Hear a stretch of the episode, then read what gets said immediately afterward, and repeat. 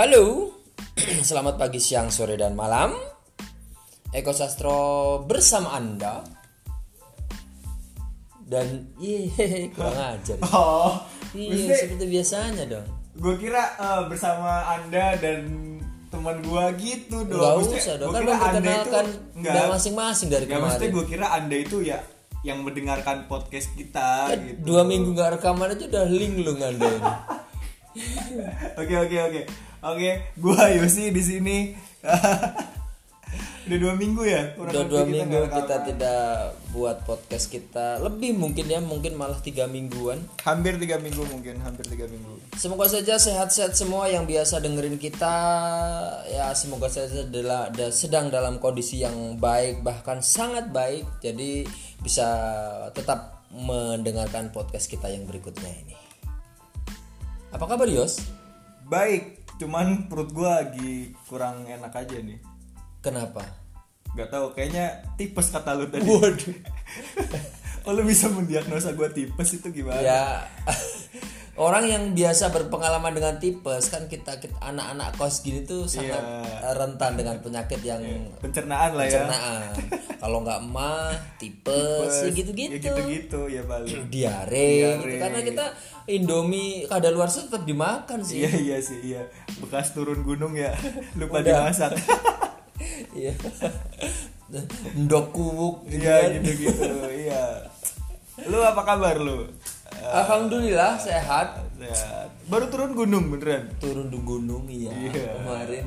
Ya belum sih sebenarnya nggak nggak sampai naik-naik juga. Kita itu cuma rindu suasana, Suasana pegunungan. pegunungan. Jadi kita cuma camping-camping di bawah-bawah aja gitu kan. Juga sekarang tempat-tempat pendakian juga belum buka. Terus apalagi gunung belakang rumah ini, belakang kita ini Gunung Selamat Tercinta kan statusnya juga masih waspada. Tentunya nggak baik dong kalau kita nekat-nekatan gitu. Oh berarti lu kemarin ke sana? Ke Sana cuma cuma masih di bawah-bawah doang. Bawah-bawah, Iya. Gue juga kangen nih ke sana ke bawah-bawah. Maksudnya Gucci. Iya ke bawah-bawah itu. Ya. Di pinggir jalan. Ya, Mau beli lu- manisan kali ya. Iya kata lu kan nggak boleh ke atas ke atas ya udah di bawah-bawah gitu. Iya, iya, iya. Tahu tahu kan Danawari lah tahu. Iya iya iya iya iya. Jembatan warna-warni lah ya. Oke. Dan kita sebenarnya nggak ada tema spesifik yang mau kita obrolin di podcast kali ini ya. Cuma apa ya? Ya kita sekedar ngobrol-ngobrol aja sambil melepas rindu. Kita lama nggak ngobrol ini dan kita ingin merekamnya aja ini dan nggak apa ya menurut kan nggak ada hal yang sangat spesifik yang pantas kita bahas juga untuk Iya ini. bener banget gitu karena emang eh, kita belum merencanakan untuk bahas apa ya sebenarnya jadi Hmm. ya udahlah daripada kita juga gabut ya udah mending kita ngobrol dan direkam. direkam aja udah. kayak ada sekali podcast sebelah Iya, itu pot- gitu semua Jadi jangan harap Anda menemukan sesuatu yang bermanfaat di sini kali ini ya. Tapi semoga adalah sesuatu yang mungkin bisa diambil hikmahnya. Oke. Eh, tapi gini karena eh, sempat sekitar semingguan seminggu hampir dua minggu kemarin itu di jagat media sosial bahkan sampai juga masuk ke TV TV itu adalah berita tentang salah satu teman kita dari eh, komunitas stand up Indo itu adalah si Bintang Emon Bintang emo. Iya. banget. Yang dia sampai di meme-meme, sampai di poster-poster itu disetarakan dengan para tokoh-tokoh perjuangan seperti Munir, Wiji Tukul gitu-gitu, Iya, Marsina gitu bener karena banget. karena dia itu sempat menyuarakan apa yang menjadi suara masyarakat kebanyakan tentang ketidakadilan pada kasusnya si Novel. novel novel apa ini? Novel Baswedan. oh, novel dan aja dong. Oh iya. Gue kira novel itu buku loh. Ternyata nama orang. Aduh, gitu doang. Fuck. iya tentang ketidakadilan di kasusnya Novel Baswedan dan tentunya ini semua sudah rahasia umum semua orang banyak yang tahu dan Emon ini menyuarakannya dengan eh, gaya komedi dia yang terkenal itu ya DPO yang durasinya sekitar satu menit itu mengkritik-kritik itu nah saingannya sekarang udah banyak itu DPO gitu. Banyak banyak orang-orang yang bikin DPO DPO kayak gitu. Tapi eh, nggak tahu kenapa nggak ada yang semengena Emon sih menurut gue. Iya. Ya karena dia pionir juga maksudnya. Iya, dia, dia- yang pertama dia yang di antara teman-teman stand up kita dan kena aja gitu aja, Ah, komedi dia. Ya yang tipis-tipis itu tapi kalau di masyarakat awam kan masuk Masuk, gitu. gitu. keren sih menurut kita dia keren banget. Nah San ceritanya kemarin itu ada beberapa akun kayak akun kecil sih sebenarnya yang me- memberitakan Emon dengan sabu-sabunya dan sebagainya itu itu adalah akun-akun kecil dan Akun bot. ya mungkin gitu pokoknya akun-akun ya orang yang terindikasi sebagai akun buzzer nah yang menjadi Buzzer eh, apa nih? eh Buzzer apa nih? Buzzer ya buzzer itu doang dong ah nggak ada lucunya buzzer Oh, nggak ada lucu. apa ya Kira ada. buzzer malam jangan dong Buzzer malam ya. undar Tapi di tempat lu undar juga namanya. nggak nggak ada saya Nggak. tahu undar di sini nggak ada gue kira gue kira sampai tempat lu undar juga itu nggak namanya. ada Oke lanjut.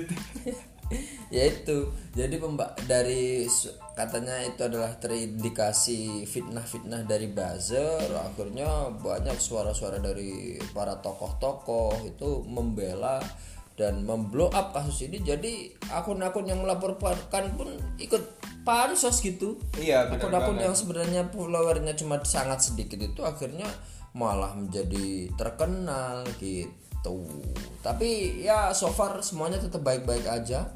Emon juga tidak ada masalah apa bahkan dia sempat sampai tes. Medical check up sendiri. iya tes narkoba sendiri dia dan hasilnya negatif. Syukurlah. Iya dan menelan biaya 1,6 ya biasa dong. juta.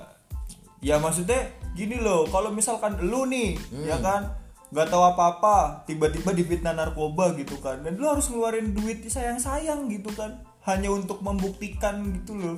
ini sebenarnya eh, langkah yang dia ambil si Bintang Emon ini sebenarnya kalau menurut saya juga apa ya dia kan preventif mencegah. Sebenarnya kalau Iya, toh nggak dia lakukan pun juga belum apa-apa karena belum Iya. ada pelaporan ke Belum si ada Emon ini dari pihak-pihak yang sebelah yang melaporkan itu baru ada salah satu akun di Instagram yang mau melaporkan. Tapi kan belum ada laporannya juga gitu.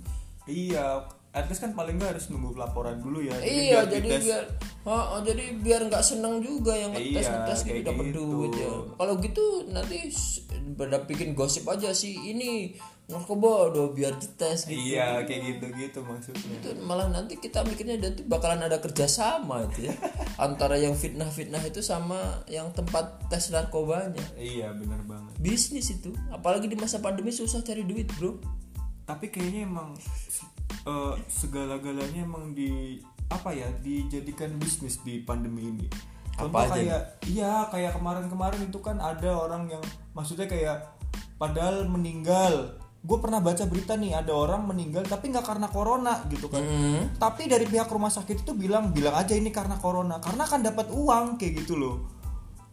Oh siapanya yang dapat uang? Emang kalau yang meninggal karena corona dapat duit gue nggak tahu jelas pastinya sih tapi kayak prosedurnya gitu loh gue juga nggak ngerti deh tuh kayak perawatan perawatan dan lain-lain iya Nah, gitu Sampai gitu segitunya loh. Iya, serius. jahat sekali dong Iya, makanya padahal itu tuh yang meninggal biasa, cuman ya udah bilang aja corona gitu kan karena kan pasti ada biaya-biaya yang dikeluarkan oleh pemerintah gitu kan. hmm. Kayak gitu-gitu emang ngeri sekali corona ini, mending mending segera berlalu aja ya segera berlalu aja. Tapi gimana seg- akan segera berlalu gitu kalau kenyataannya sekarang ini orang-orang makin udah kayak nggak peduli gitu kan. iya bener nah, Dan lu tau nggak kemarin yang CFD di mana di Jakarta oh, dong. kirain di alun-alun Hanggawan Hanggawan.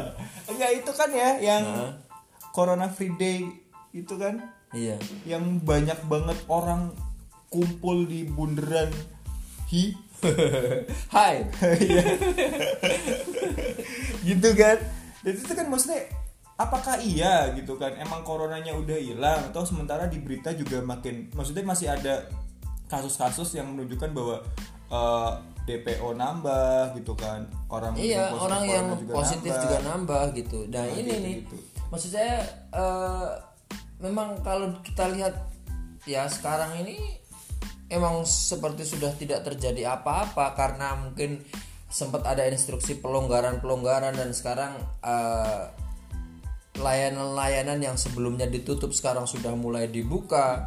Nah, himbauan untuk tetap berperilaku dengan prosedur COVID ya ini yang sebenarnya harus dipegang oleh masyarakat kita. Tapi kebanyakan sekarang orang udah nggak peduli tentang hal itu gitu. Ini sebenarnya agak menakutkan sih kalau menurut saya. Orang seperti apa ya?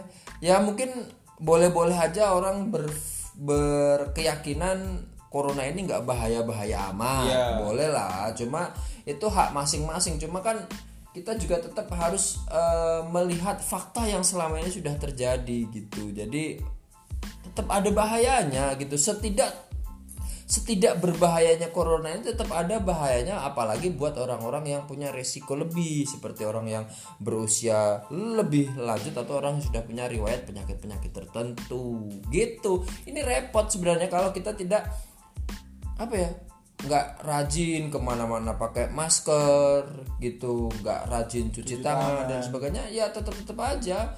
Orang ini penambahannya ini setiap hari sudah seribu lebih gitu kan dulu aja waktu per hari itu tambahnya baru sekitar 100 200 orang itu heboh. Takutnya luar biasa. Sekarang malah nggak takut takut acan gitu. Dan kemarin gue juga sempat lihat di Twitter bahwa ada uh, kasus positif baru corona di Korea. Dan itu kelihatannya yang membawa virusnya itu carrier-nya adalah orang Surabaya dan Madura kalau nggak salah.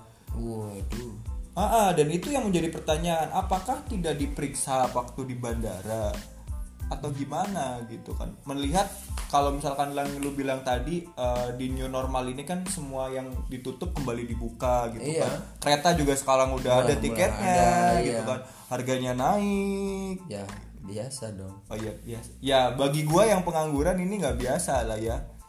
Naik jadi berapa ya kalau nggak salah?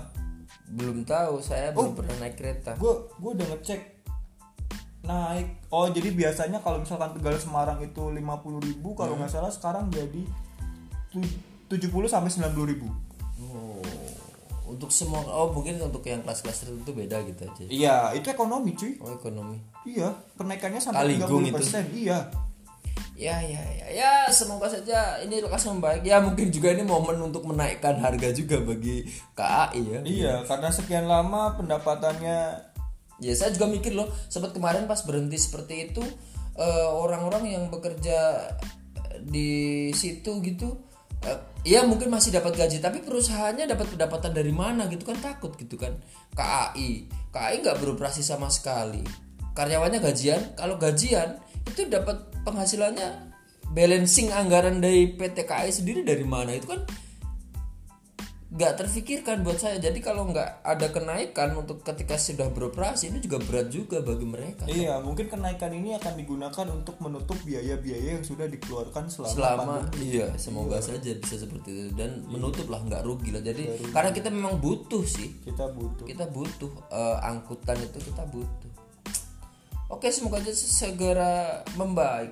Dan kalau ngomongin masalah pandemi ini kan da- tadi di awal kita sudah menyebut di pandemi ini bisa semuanya jadi duit dan lain sebagainya. Nah, ada juga beberapa hal yang di pandemi ini muncul atau enggak minimal semakin booming gitu. Yang pertama orang semakin banyak ya itu sekarang lumayan lah rumah-rumah makan atau tempat-tempat umum sekarang ada fasilitas cuci tangannya. Iya. Bagus kalau yang kayak gitu. Ada juga kebiasaan sekarang olah orang yang berolahraga gitu. Karena tempat-tempat olahraga yang sifatnya umum kayak gym, tempat-tempat futsal gitu sempat ditutup, akhirnya orang milih olahraga yang sifatnya pribadi. Ada kecoa nih, kurang ajar. alun-alun Hanggawana buka Buka dong buka sekarang. buat olahraga ya sekarang Iya, ada tren bersepeda. nah ini nih Yang ini kelihatannya semakin booming sekali Dan di sangat masif masa sekali. makanya. Jadi bahkan tidak cuma di area sini, bahkan di kota-kota besar, bahkan sampai sampai kota-kota kecil itu beritanya sama semua toko-toko sepeda itu sekarang ha- kehabisan stok sepeda sepeda yang biasa harganya itu di range di bawah 2 jutaan di masa-masa sekarang ini harganya tetap naik jadi di atas 2 jutaan gitu Iya dan kalau misalkan dibilang pandemi orang lagi mengalami krisis ekonomi malah beli sepeda harusnya kan buat makan sehari-hari. ya mungkin itu tapi iya ya iya Dan dong. faktanya logikanya kan kayak gitu. dan faktanya memang yang beli sepeda itu juga bukan orang yang mampu-mampu aja Iya, bahkan orang orang yang biasa-biasa memaksakan biasa-biasa diri aja. untuk beli sepeda Dan harganya nggak murah. Temen gue beli 4 juta, tiga setengah gitu-gitu. Belum lagi untuk dimodif gitu kan. Diganti apanya itu? Gue sih nggak tahu banyak ya tentang sepeda, tapi banyak yang diganti. Ganti kepalanya. Kepala RX waduh. Gak maksudnya kayak diganti apalah gitu kan Mungkin iya ya grup set lah. Grup setnya Ganti Set, peleknya. ada fork fork depan itu biasanya Iya ganti sadelnya mungkin. Ya diganti jok Jok. mobil Jok becak Atau diganti apanya lah gitu kan Dan itu semakin update-update Terus dijual lagi gitu kan Ya sebenarnya kita nggak masalah itu masalah, semua. nggak Bagus-bagus aja. Orang sehat mah bagus lah. Sehat Cuma bagus. gini. Jadi beberapa hari kemarin ini di Twitter ini sempat rame banget. Orang jadi bahas-bahas ini karena sepeda lagi booming lagi. Jadi pokoknya orang hampir semuanya sekarang bersepeda, bahkan ke tempat kerja sekarang pakai sepeda.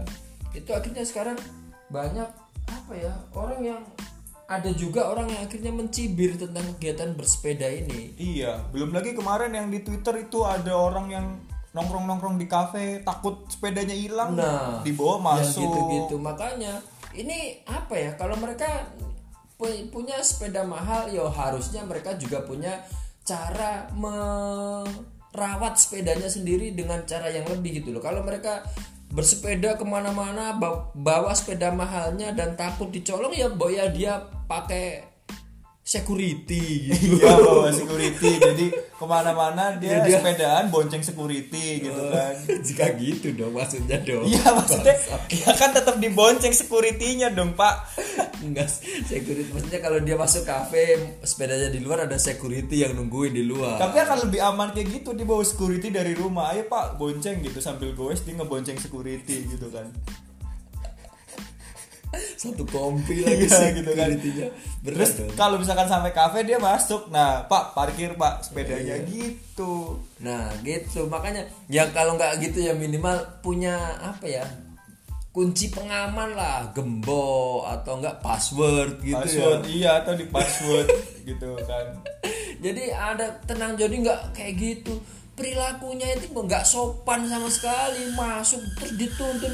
Ya kan itu kan kemarin yang viral itu kan itu kan sepeda-sepeda lipat kan sepeda yang harusnya kan bisa dilipat. Bisa dilipat. Harusnya kalau ketika masuk dilipat kayak rapi dimi- masuk ke dompet gitu kan. iya atau dilipat dilipat dilipat hah terbang gitu.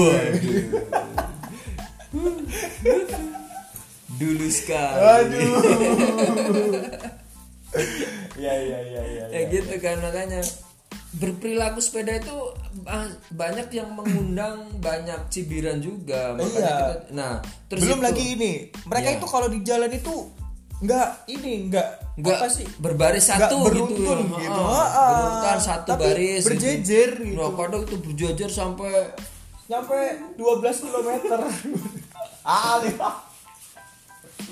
iya kayak gitu dan itu tuh kayak dulu dulu gue dulu gue juga sepedaan tapi nggak yang begini gitu kira-kira apa yang membedakan masa sekarang dan masa dulu sepedaan bisa sehits dan se booming ini gitu Ya mungkin karena sekarang tren sepeda semakin beragam. Jadi sekarang kan sepeda bisa jadi sebuah simbol kemewahan. Kalau dulu kita itu bersepeda itu karena butuh, ya nggak sih? iya bener banget karena Itu kita karena butuh. transportasi gitu Alat ya transportasi beda sekarang itu sepeda bisa jadi salah satu struktur apa bukan struktur ya, eh, standar strata ekonomi kita gitu loh. iya Jadi iya bener banget kalau kita bersepeda dengan sepeda yang mewah Mahal. gitu ya dengan kan sekarang sepeda kalau eh, yang asli apa ya yang maksudnya setelan pabrik gitulah yang harga se- sedang-sedang gitu kan belum ada fasilitas ini itunya gitu. Kita harus dimodifikasi. Heeh.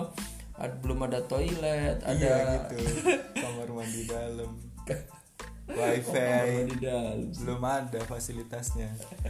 Jadi diperbaiki Iya gitu. di upgrade. bisa jongkok Bisa jongkok nah, Gitu. termos kok tremo sih? Ya kan jadi kalau misalkan habis sepedaan aus minum. Lu itu ada tempat airnya nggak? Pak Joko dong. Kok Pak Joko? Termos es. Ya.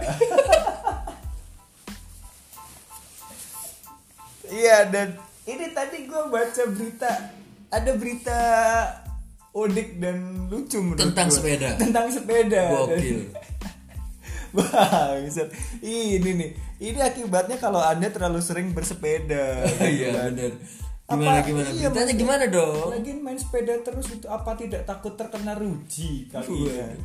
enggak sih Enggak ya, kalau Jarang. sekarang enggak ya? belum ada kasus Belum ada ya? iya belum ada kasus itu Iya, kita- kaki kita kakinya masuk ke tertusuk ruji itu ruji belum belum ada. ada gitu kan. Padahal kita dulu bersepedaan sampai keselak ban keselak ban.